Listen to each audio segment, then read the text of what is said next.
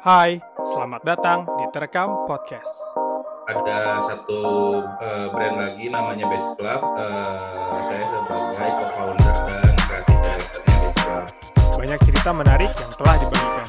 Pusing juga bikinin banyak brand gitu ya. Ada ada Jo, ada Arena, ada Club, Isut dan lain-lain. Cuman karena ada tim yang jadi semuanya bisa di bisa di share lah. Dan semua telah terekam.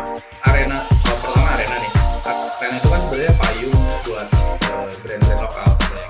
Jadi kita brand-brand lokal terus kita mempromosikan mereka gitu ya.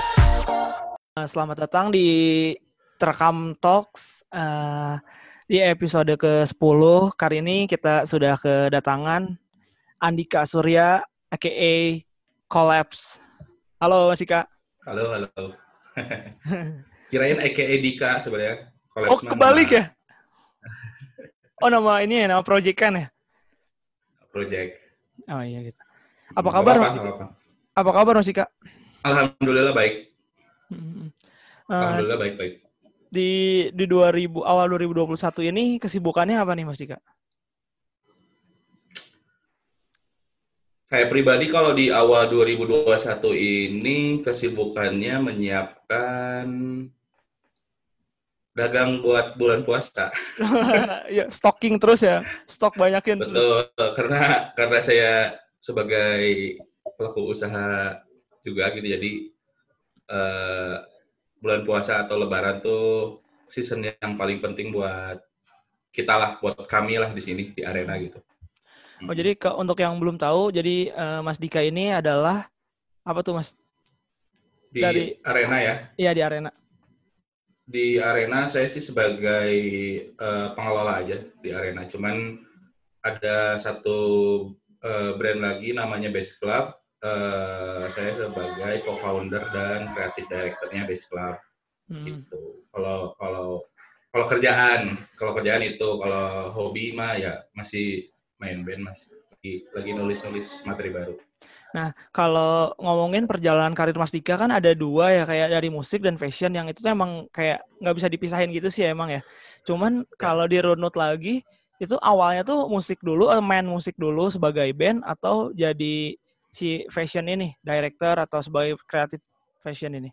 Oke, eh, ini agak flashback ya dan mungkin agak agak panjang ceritanya nggak apa-apa. Eh, sok sok sok nggak apa-apa Mas Dika.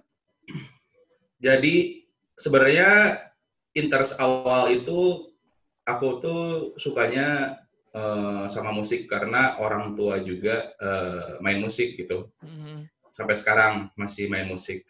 Jadi saya emang saya dan kakak saya itu eh, hobi eh, dengerin lagu terus ngoleksi-ngoleksi kaset pada waktu SMP. Dari SD sih sebenarnya.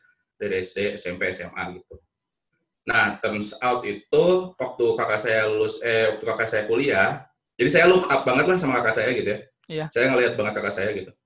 Waktu kakak saya kuliah itu dia part time di salah satu distro pertama di Bandung. Namanya Rayatik. Oh, Sekarang udah ya. bubar. Eh, nggak nggak bubar sekarang udah pindah jadi online aja gitu. Dulu dia kerja di situ. Nah, saya suka ikut. Sebenarnya Rayatik itu distro yang kental dengan dengan musik sebenarnya. Iya. Jadi eh relate-nya sama sama musik jadi merchandise band, jualan merchandise band, jualan CD, jualan clothing pun yang relate relate sama sama musik, eh, terutama musik underground. Nah, itu saya sering aja nongkrong di situ gitu. Sering nongkrong, sering, sering ngeliat kakak-kakak gitu ya yang yang ada di skena skena Bandung pada waktu itu. Eh, sering diajakin datang ke gigs dan lain-lain gitu. Nah, somehow kerja sebagai eh, di dunia yang bisa dibilang dunia fashion ini sebenarnya terjerembab juga sih. Terjebak ke Karena yang bagus gitu ya. Pertama cuman saya sebagai fanboy aja gitu ya, sebagai fanboy sesuatu yang bikin saya tertarik gitu tentang musik awalnya, musik eh, dan fashion eh, di ke belakangnya baru fashion gitu. Cuman menekuninya itu justru mulai 2000 2006 lah waktu saya kuliah. Hah. Saya ngikut kakak saya yang oh kuliah juga bisa sambil part time gitu kerja di distro. Saya kerja juga dulu 2006 waktu kuliah itu saya kerja di Barbel pertama. Habis di Barbel pindah ke dulu, habis itu pindah ke Rockstar yang jualan merchandise di luar. Habis itu 2009 saya baru kerja di Arena itu juga nggak sengaja. karena saya sebenarnya niatnya kerja di uh, waktu itu bukan kerja di arena saya niatnya adalah nganterin CV teman yang kerja di arena Oh, malah Mas Dika yang ditanyain teman, gitu. teman saya karena saya punya kenalan di arena teman saya nitip CV ke saya gitu. Dik nitip CV lah katanya di arena ada lowongan. Oh gitu ya boleh. Saya waktu itu baru lulus kuliah gitu. Masih cari cari kerja. Saya anterin lah itu CV ke arena. Eh taunya saya yang ditawarin mau nggak jadi? Mau nggak interview gitu di arena 2009 awal 2009 itu saya nggak langsung jadi creative director atau desainer atau enggak, saya jadi distribusi, bagian distribusi ngangkutin karung gitu, ng nganterin nganterin produk-produk ke paket, ke kargo, pakai mobil, pakai pick up dan lain-lain gitu. Awal mulanya sih gitu. Nah dari situ mulai mulai interestnya makin besar gitu ya, mulai digging, uh, karena tadi betul musik dan fashion nggak bisa dipisahkan jadi selalu sejalan gitu musik dan fashion dan sampai sekarang sebenarnya saya masih pegang dua hal itu gitu musik dan fashion habis itu diangkat jadi bagian promo uh, jadi karena bos saya itu almarhum melihat saya dulu sering internetan. Kerjanya kan di gudang. Kerjanya di gudang ngelipetin barang terus masukin ke karung gitu. tapi saya sering banget browsing gitu di depan komputer. Mungkin dia ngelihat nih anak kayaknya hobinya bukan ke situ gitu ya interestnya bukan ke angkutin karung gitu. Jadi dipindahin lah ke promo. Uh, ya singkat singkat ceritanya akhirnya dijadiin creative director saya bikin base club pada waktu itu waktu di arena saya bikin base club sama almarhum bosnya arena Mas Dani gitu nah hingga Mas Daninya itu meninggal pada tahun 2019 saya menggantikan posisinya Mas Dani tapi bukan sebagai owner tapi sebagai pengelolanya arena experience gitu Oh gitu. gitu. Berarti kurang lebih kayak kayak karir Mas Dika tuh emang udah dilihat dari kesukaan hobi Mas Dika gitu ya. Mungkin dari bos juga ngelihatnya kayak situ kali ya. Betul. Jadi emang udah udah interest dari awal, nggak ada sesuatu yang dipaksain, nggak ada. Mungkin pada waktu tahun 2000 berapa ya saya mulai suka musik dan ada oh musik hardcore tuh uh, fashionnya kayak gini, outfitnya kayak gini, oh musik punk rock, musik emo dan lain-lain itu kayak gini outfitnya itu ya sesuatu yang nggak bisa dihindari gitu pada waktu itu sesuatu yang nggak bisa di, dibantah pasti orang uh, dari musik pasti uh, merhatiin fashionnya gitu iya apalagi di Bandung apalagi di iya. Bandung gitu kan yang orang orang itu uh, notice lah sama hal-hal yang kayak gitu gitu nah kalau ngomongin Bandung gitu kenapa sih uh, mas kayak Bandung tuh kayak asik dan nyaman gitu untuk industri fashion dan musik gitu apa emang udah karena dari dulunya atau emang dari uh, apa pemuda-pemudanya lokalnya juga membangun kulturnya gitu? Oke. Okay. Jadi kalau mungkin kalau dulu zaman dulu ya yang saya tahu ya di, iya. di Bandung ada ada C59, ada uh, dulu mungkin ada departemen store Ramayana, Matahari dan lain-lain gitu ya. Nah, ini gerakan-gerakan uh, senior-senior saya gitu ya, teman-teman saya, pada waktu itu, pada tahun 90-an, mungkin tahun 2000-an itu, emang saya lihat, ini pandangan saya pribadi, mereka bikin satu alternatif gitu. Ketika kamu jalan atau mendatangi suatu gigs atau jalan-jalan lah nongkrong gitu ya, kamu nggak mau kan kaosnya sama dengan yang lain gitu sama teman kamu gitu? Iya benar sih. Ya, kamu sarua kaosnya eh. Karena satu sumber gitu, satu sumber dulu cuman ada Matahari kayak gitu-gitulah departemen store dan lain-lain belum ada H&M atau Uniqlo makanya teman-teman yang di underground itu bikin satu alternatif gitu uh, dulu ada ada Uncle yang pertama untuk brand ya yeah. ada Uncle ada Oval dan lain-lain terus ada juga distro seperti Rayotik terus di ujung Berung juga ada distro juga gitu jadi memang kental banget sama pergerakan musik awalnya gitu dari musik terus ke fashion. Musik juga kan alternatif sebenarnya. Iya, karena jadi alternatif di di di lini kehidupan kita teh gitu. Nah, sama sama halnya dengan dengan fashion pada waktu itu eh, teman-teman yang di underground ini tuh memberikan satu alternatif untuk uh, nggak sama dengan yang lain gitu kan. Kan tujuannya itu kan nggak mau sama kita tuh selalu pengen beda kan gitu. Mm. Sedangkan pada waktu itu uh, Matahari atau department store itu adalah sesuatu yang mass production yang mainstream lah pada tahunnya gitu. Makanya ada uh, alternatif ini tuh awal mulanya seperti itu gitu yang saya lihat. Nah, terus kalau ngomongin yang fashion ini apa clothing line atau fashion di Bandung ini kan kayak banyak banyak apa namanya banyak brand-brand yang keluar dari Bandung buka toko di luar Bandung terus tetap tetap apa besar gitu. Cuman ketika dari brand luar Bandung buka di Bandung kayak agak susah gitu berkembangnya itu kenapa ya Mas Ika menurut Mas? Apa benar enggak sebelumnya uh, benar apa enggak? enggak, saya saya saya bisa bilang enggak sebenarnya nggak cuman yang di luar Bandung ke Bandung sih sebenarnya. Dari Bandung keluar pun sama halnya kayak gitu gitu. Hmm. sama halnya kayak gitu. Jadi gini sebenarnya kan kalau bisnis clothing uh, atau brand yang ya saya bilang alternatif itu ya uh, itu adalah bisnis komunitas gitu. Jadi emang awal mulanya dari tongkrongan awal mulanya dari komunitas ya lu nggak ada nggak dekat sama komunitas atau nggak dekat sama tongkrongan ya wassalam sih sebenarnya mah gitu. Kurangnya iya. gitu ya gambarannya. Jadi memang kalau dulu kayak uh, arena buka di Bali gitu, nggak ada orang Bali di arena tuh nggak ada karyawan orang Bali. Tapi kita berniat atau nekat buka di Bali gimana caranya gitu buka di Bali ya. Kita penetrasinya gimana?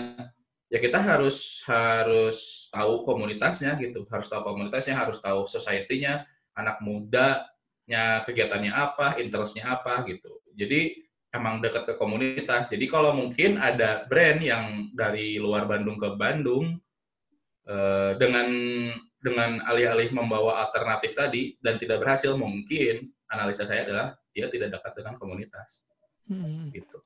Oh, jadi benar sih kayak uh, kalau mau ke Bandung tuh berarti deketin komunitasnya dulu gitu ya. Terlebih lebih ya. ke spesifik lagi interestnya gitu ya mungkin ya. Sebe ya, saya nggak nggak deketin dengan pendekatan yang sangat-sangat eh dengan pendekatan yang apa ya Langsung tendensinya nggak yang eh, nggak uh, yang menjilat juga gitu ya. Maksudnya semuanya semuanya mengalir lah. Semuanya mengalir gitu aja gitu. Semua mengalir gitu aja. Cuman yang bisa dipastiin adalah awal mulanya adalah semua ini dari komunitas dari tongkrongan. Kenapa arena bisa besar? Karena tongkrongannya besar juga gitu komunitasnya besar juga. Komunitas yang kita uh, yang kita apa ya grab gitu ya yang kita ajak kerjasama dan lain-lain itu andilnya besar juga, terutama di kota Bandung gitu. Jadi ya seiring berjalan juga kita bareng-barengnya, eh, apa kita gedenya bareng-bareng gitu.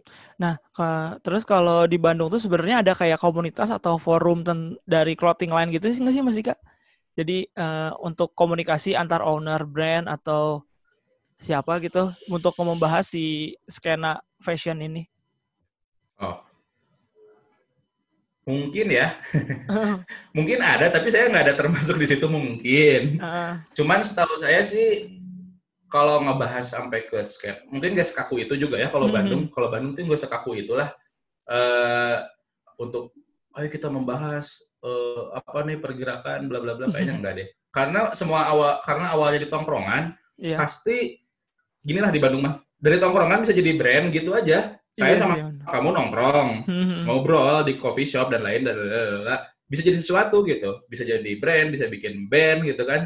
Apa pun bisa bikin coffee shop lagi gitu. Jadi kalau bisa dibilang ada forumnya sih sebenarnya kalau forum ngobrol kayak gitu nggak ada. Cuman eh saya nggak tahu ya. Cuman mungkin ada platform seperti Kickfest oh, iya, atau seperti Trademark yang kayak gitu lah itu menurut saya adalah platform juga karena secara tidak langsung kita kan ketemu sama sama owner yang lain hmm. kita ketemu sama pengelola brand yang lain kita bisa sharing kita bisa ngeliat mereka performanya seperti apa mungkin bisa jadi uh, acuan buat kita atau bisa jadi cerminan buat kita juga atau insight sebenarnya secara tidak langsung seperti itu sih kalau untuk sharing ya sejauh hmm. ini so far kalau saya sama teman-teman brand yang lain sharing itu konteksnya nongkrong sebenarnya. Oh, Konteks, iya. konteksnya ya nongkrong aja. Saya sama Om Dendi, misalkan Om Dendi Angkel atau sama Vidi Maternal, hmm. nongkrong aja nongkrong itu. Udah dari situ juga udah mulai mulai sharing gitu, mulai mulai ngobrol tentang brand dan lain. Tapi nggak, setahu saya sih, entah kalau ada, cuma setahu saya mungkin grup WhatsApp kali ya. Iya sih. Oh iya mungkin. Sebab kalau grup kalau grup WhatsApp itu ada sih sebenarnya ada satu grup WhatsApp yang isinya brand-brand Bandung. Tapi ya seputar apa ya seputar kayak sekarang nih mulai ada mau ada PSBB kayak info-info uh, buka toko jam berapa tutup toko jam berapa lain-lain terus uh, protokol kayak gimana itu biasanya sharing sharing di grup itu gitu oh kayak gitu ada ya Terus Hmm. kalau ngomongin si skena si clothing line di Bandung ini dulu sama sekarang tuh bedanya apa sih, Mas Dika? Oke. Dulu mungkin dulu zaman saya berarti ya. Zaman, Iya, dulu, Mas saya. Mulai Awal-awal. menjadi- eh, awal jadi fanboy gitu. Hmm. Sampai sekarang sih sebenarnya saya masih fanboy, masih mengidolakan banyak lah. Udah jelas dulu itu eh referensi saya juga saya juga bertanya-tanya sih sama sama Dendi sebenarnya sama Om Dendi Angkal. Dulu dia dapat inspirasi dari mana gitu ya? Iya. bisa bikin angkel gitu karena nggak ada internet gitu. Perbedaannya itu pertama udah pasti eh, alur informasi yang yang terbatas kalau zaman dulu. Cuman saya saya berkaca aja dari dari dari musik lah, dari musik. Kalau musik juga sama kan, musik juga terbatas dulu internet nggak ada gitu download gimana caranya. Cuman ada satu akses satu satu orang yang membawa atau mendoktrin eh, sesuatu yang baru ke tongkrongan.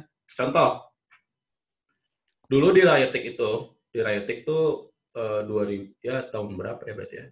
2000 gitu ya kalau atau 99 gitu. Selalu tiap hari Rabu selalu ada diskusi. Diskusi tentang eh, strike age kalau nggak salah ya, tentang tentang pergerakan strike age itu. Nah, tiap hari Rabu itu tuh ada kayak ada Ucai, Ucai Rocket Rockers, ada Ajis, Bantusi, ada ya Pak Ketu, ada Teddy Baxing Bagal, pokoknya semua pelaku skena musik gitu ya. Lalu ada Pak Eben, Eben Burger Kill Iya. gitu, yang membawa CD. Dia membawa CD gitu, satu CD original, misalkan satu band, misalkan apa namanya, si Coffee Talk misalkan ya.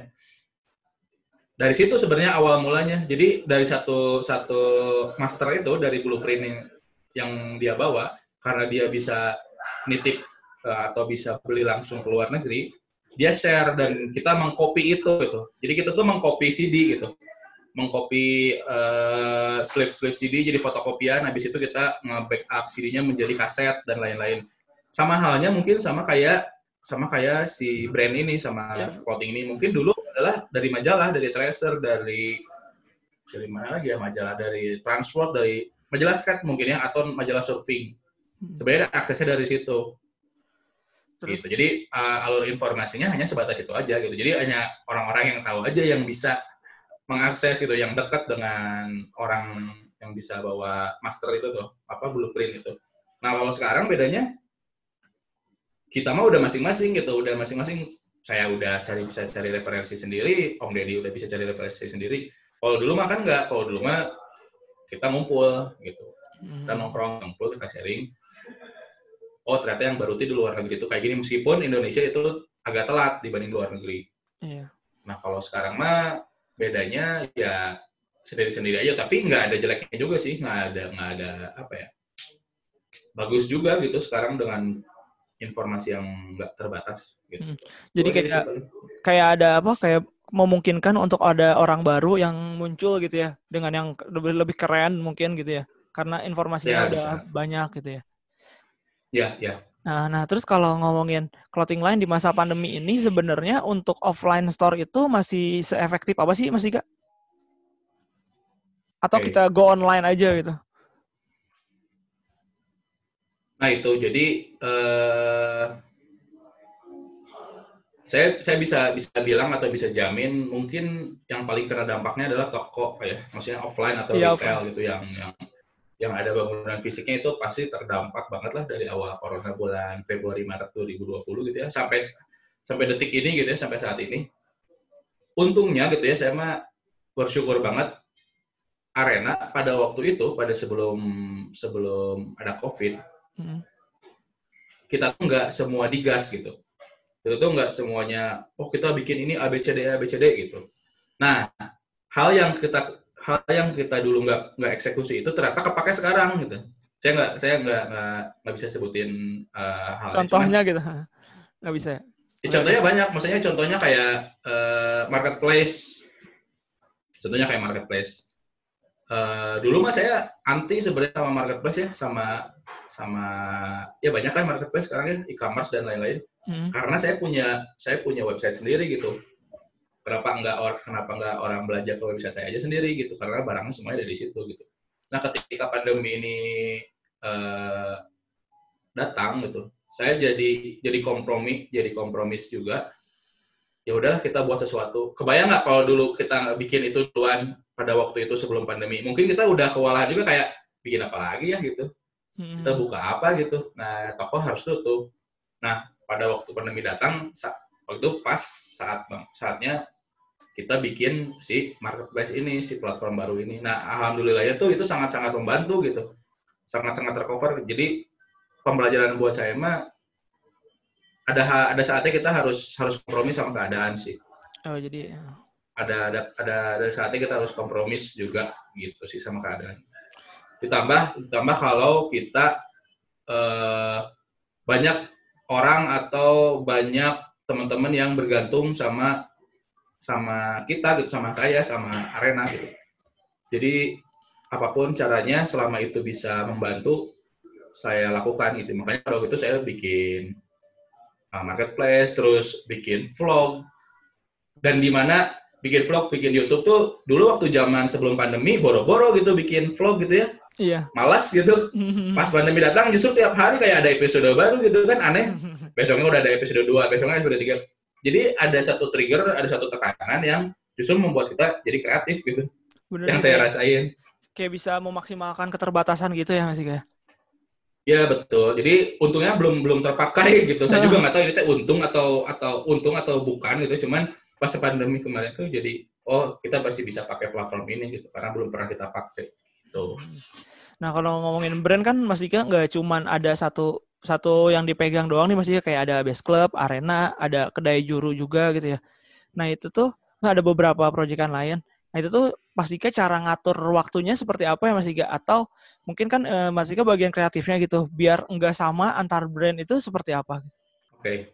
Pertama cara ngatur waktunya udah pasti sih kita harus punya saya udah saya harus punya tim yang tim yang solid udah pasti, tim yang kreatif gitu, tim yang solid. Jadi semuanya sebenarnya bukan saya sendiri gitu. Ada ada ada timnya saya juga nggak tahu kalau misalkan mereka nggak ada tuh arena tuh kayak gimana saya nggak nggak nggak kebayang gitu. Jadi pertama harus ada tim yang solid dulu yang bisa mengatur timeline, yang bisa mengatur jadwal, yang bisa eh, mengatur apa pun itulah yang berbau administratif juga gitu ya. Kadang-kadang orang tidak terpikirkan adalah hal-hal administratif gitu ya, hal-hal yang berbau finansial atau hal-hal yang berbau duit gitu. Iya. Jadi kelihatannya sih kalau di luar kan kayak wah jadi kreatif, eh apa, oh bikin ini bikin itu. Padahal satu ada satu divisi lain yang harus dipikirin juga yaitu masalah administratif. Jadi alhamdulillahnya tuh semua semua lini itu tuh sudah terpenuhi gitu ya.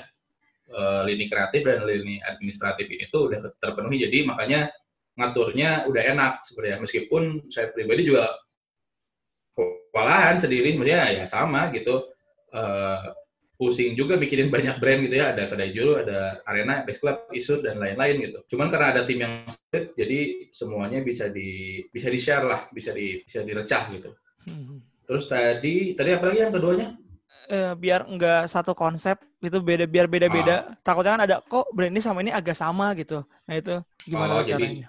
kalau ya berarti itu kan dari dari awal ya jadi kita bikin bikin uh, startup untuk bikin satu brand itu emang dari awal pun goalsnya udah berbeda jadi kalau bisa dibilang uh, arena kalau pertama arena nih arena itu kan sebenarnya payung buat uh, brand-brand lokal sebenarnya gitu jadi kita nge-grab brand lokal terus kita me- apa ya, mempromosikan mereka gitu ya itu aja sampai situ. Jadi kita adalah payung buat eh, brand lokal. Nah itu udah udah jelas tuh goalsnya.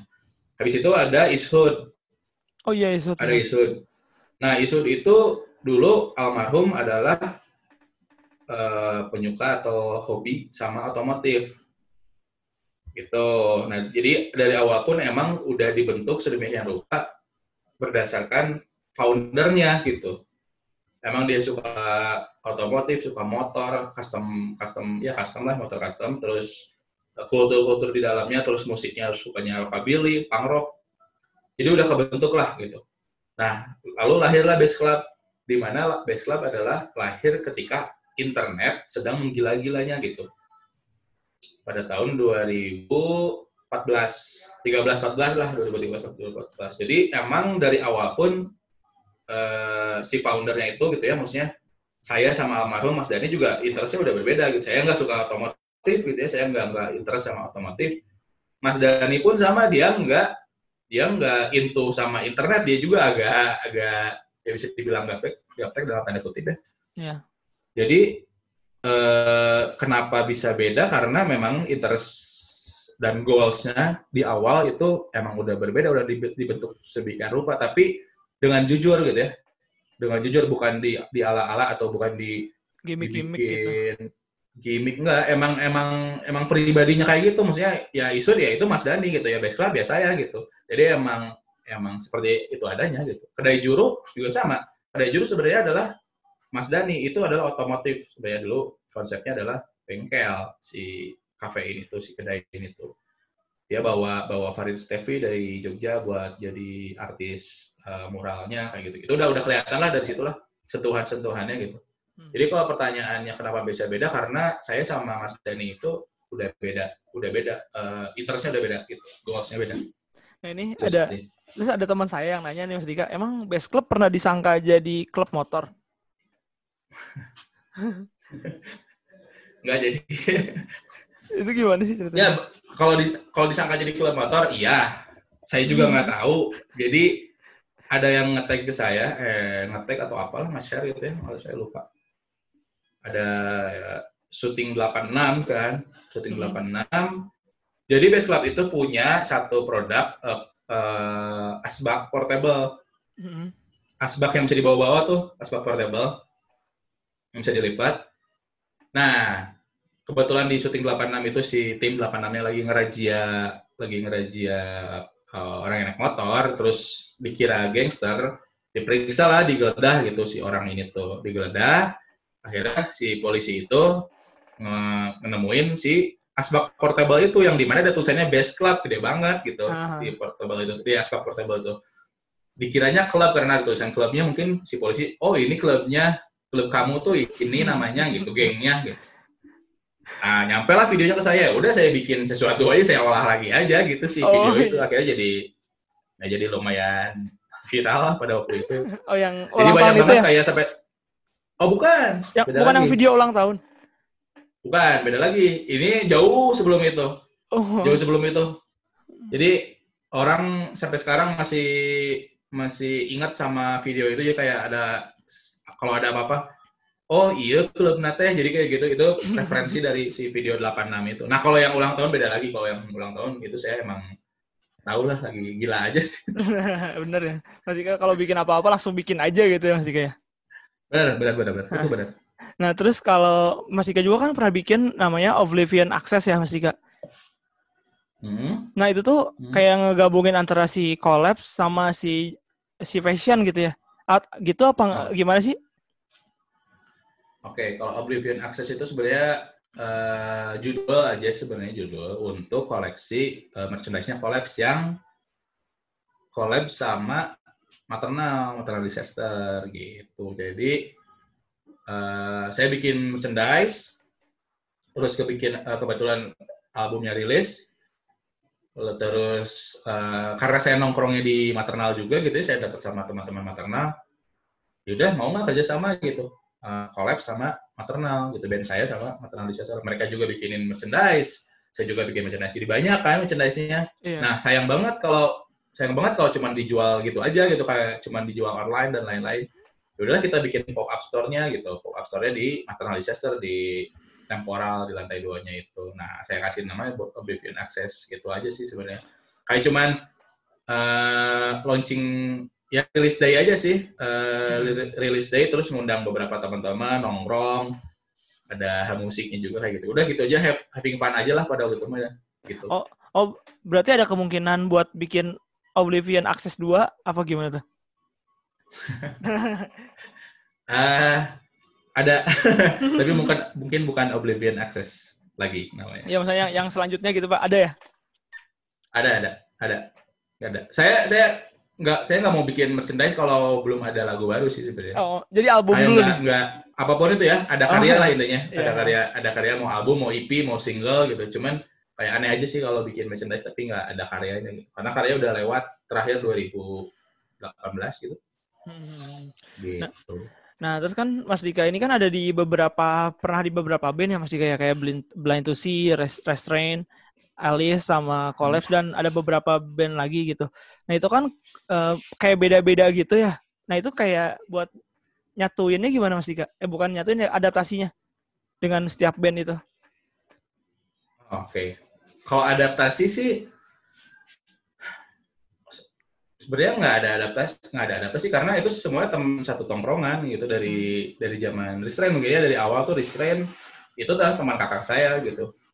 Teman-teman kakak saya yang kerja di Riatik itu gitu. Jadi saya nongkrong di sana terus personelnya restrain kebanyakannya kerja di Riatik dan nongkrong di Riatik mereka tahu saya bisa main drum ya udah saya direkrut lah ditarik jadi drummernya restrain terus kayak Blind See juga sama. Vokalisnya Blind See itu kan dulunya adalah ownernya Riatik gitu Ajis Uh, yang saya look up banget juga uh, Ajis itu ya dulu owner itu jadi semuanya udah berkesinambungan lah udah udah ini apa ya simbiosis mutualisme gitu. Oh iya. nah terus dari si Alice itu uh, ya saya kan sebagai fanboy sebagai junior lah pada waktu itu ya masih adik-adik gitu. Saya bawa lah teman-teman saya gitu kayak saya punya teman tongkrongan juga gitu Nah, dari situ sebenarnya jadi dari teman tongkrongan, eh teman yang seangkatan saya yang saya bawa ke tongkrongan yang tua-tua gitu. Nah, itu terbentuklah Elis. Tapi saya sebenarnya nggak tergabung dari awal. Saya tengah-tengah lah. Pas mau ngeluarin album, saya tergabung di situ, di si Elis. Sisanya ya edisional aja lah. Sisanya edisional dan ada beberapa band yang saya bentuk juga gitu. Nah, sekarang kan Alice udah jarang main atau ngeluarin rilisan gitu ya Mas Dika ya. Itu emang lagi vakum apa gimana tuh Alice? Oh gitu. Uh, saya umumin aja di sini gitu, Alice itu udah bubar. Hah? Oh beneran ini? udah bubar. Oh udah bubar. ya. Jadi yang terakhir. Udah bubar tapi kita nggak kita kita nggak udah bubar, cuman kita nggak mau bikin satu statement karena takut terlihat seperti drama sih sebenarnya kayak ini tuh band gimana sih gitu kemarin sempat dulu dulu sempat gitu uh, bikin publish tentang mau dihiatus atau gimana terus ganti-ganti personil, terus tiba-tiba ada lagi, terus bikin reuni, ada vokalis baru, bla bla bla bla, terlalu banyak shuffling gitu ya, terlalu banyak diobok-obok gitu. Sampai pada saatnya kita ketemu dan memutuskan untuk ya udahlah masing-masing dulu gitu karena semuanya udah punya ya, kerjaan masing-masing, terus ya udah kita rehat lah istilahnya dan nggak akan mungkin ada rilisan lagi kalau om saya. Oh. Tapi kita kita bikin satu uh, band lagi gitu dengan oh. beberapa orang yang sama. Hmm. Gitu. Tapi itu bandnya udah udah udah ini udah udah udah keluar gitu dari dari rilisannya apa gimana, Sika? Belum belum belum masih uh, masih on progress. Oh masih on progress. Susah eh, cari waktunya beneran. Apalagi lagi pandemi gini. Susah cari waktu uh, beneran untuk untuk untuk fokus gitu. Apalagi kalau lagi kayak gini nggak tahu susah banget. Tapi semuanya berjalan kok, semuanya berjalan. Mau itu collapse, mau itu band yang baru ini gitu semuanya berjalan. Nah kalau kalau si Collapse ini yang pak yang paling baru dari Collapse apa nih Mas Dika? Kira-kira ada paling baru dari Collapse adalah kema uh, saya baru aja uh, ini juga sama sih baru baru saya mau saya pengumuman aja sekalian ya, baru uh, mereform personil jadi personil yang kemarin saya reform saya saya saya ganti semuanya gitu. Jadi kan kalau yang kemarin kan udah punya band yang sekarang lagi ngegarap uh, album juga lah kayak Aldi di Hills, terus Kiki Dawan itu di Fazi Eye gitu kan. Mereka ada ada band yang mereka fokusin juga gitu. Jadi ya udahlah saya saya kayak mungkin harus refresh juga ya karena si Collapse itu kan emang project pribadi gitu, project solo. Jadi ya udahlah ini si season playernya saya saya ganti dulu semuanya. Nah, yang terbaru mah formasinya udah ada yang baru gitu. Kalau Ini formasi udah ada yang baru nih, jadi tinggal jalan. Oh, tinggal jalan untuk membuat sesuatu gitu. Ya, tapi kalau demo, kalau nulis lagu, nulis uh, materi dan lain-lain mah saya masih sendiri, masih masih jalan gitu, masih nggak nggak nungguin personel yang lain. Cuman kalau nanti udah ada personelnya, di lebih di di mastering aja sih maksudnya lebih di dikukuhkan lah jadi enak lah gitu jamming. Kalau kemarin kan sendiri ya kasihan yeah. gitu. jadi ngetek ngetek juga gitu. sendiri ya, ya. Yang kolaps itu ngetek sendiri semua kan Mas Dika? Apa gimana? Uh, yang IP itu ya semua sendiri. semua semua instrumen sendiri, cuman ada beberapa bantuan dari teman-teman. Kayak misalkan saya butuh fill in nih gitu ya, fill in fill in gitar cuman 5 detik gitu. Tapi saya pengen si Aldi yang main gitu, Aldi Hills yang main ya udah Aldi gitu yang main. Oh. Gitu ya. Cuman secara overall mah semua pak semua instrumennya saya yang mainin, saya yang rekaman. Terus uh, beberapa rilis yang berikutnya saya gitu lagi, maksudnya saya cari teman tandem yang drumnya sama lu aja lah, soalnya ini teh drum tuh ada di kepala gitu ya, ada di kebayang gitu di kepala, tapi saya tangannya nggak bisa nggak bisa melakukan itu gitu, nggak bisa. Jadi susah juga ini drumnya, makanya saya minta bantuan kayak Cold November, saya minta bantuannya Dawan, yang Chloe saya minta bantuan Dawan. Jadi cuman itu aja sih, saya narik-narik beberapa teman-teman aja. Sisanya ya saya aja semua. Nah itu mungkin uh, udah nyampe ke penghujung podcastnya Mas Dika. Ada ada ada tips atau apa gitu pesan-pesan buat yang dengerin dari Mas Dika sendiri, dari Collab, apa dari Arena atau dari apa aja, Bas? Uh, di di keadaan yang seperti ini ya, di keadaan yang tidak menentu ini gitu. saya sih nggak nggak mengajak juga, cuman menyarankan untuk untuk tetap skeptis gitu, untuk tetap skeptis dan untuk mem, bertanya apa pun itu yang mempertanyakan semuanya gitu. Hal-hal yang dan pastilah ini teh ada apa sih gitu kayak hmm. kayak apa sih di makin ke sini kalian masih pasti makin menyadari ini ada sesuatu yang salah gitu. Jadi ya kan kalau orang kan pasti wah oh, kita harus tetap positif gitu, kita harus tetap optimis dan lain-lain. Kalau saya enggak lah jangan Oh iya. Harus tetap mempertanyakan semuanya gitu, harus tetap mempertanyakan semuanya, harus tetap skeptis. Karena kalau menurut saya ini adalah ada sesuatu yang salah gitu di kehidupan kita tuh.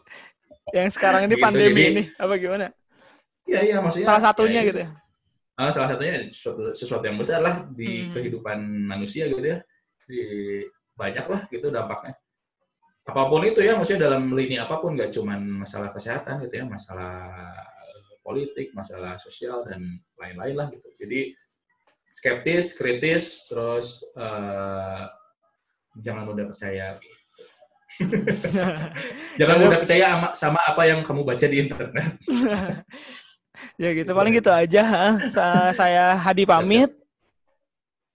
Mas Ika, ya, makasih Mas Ika. Uh, Mas Ika, sampai ya, jumpa sama -sama. di episode selanjutnya.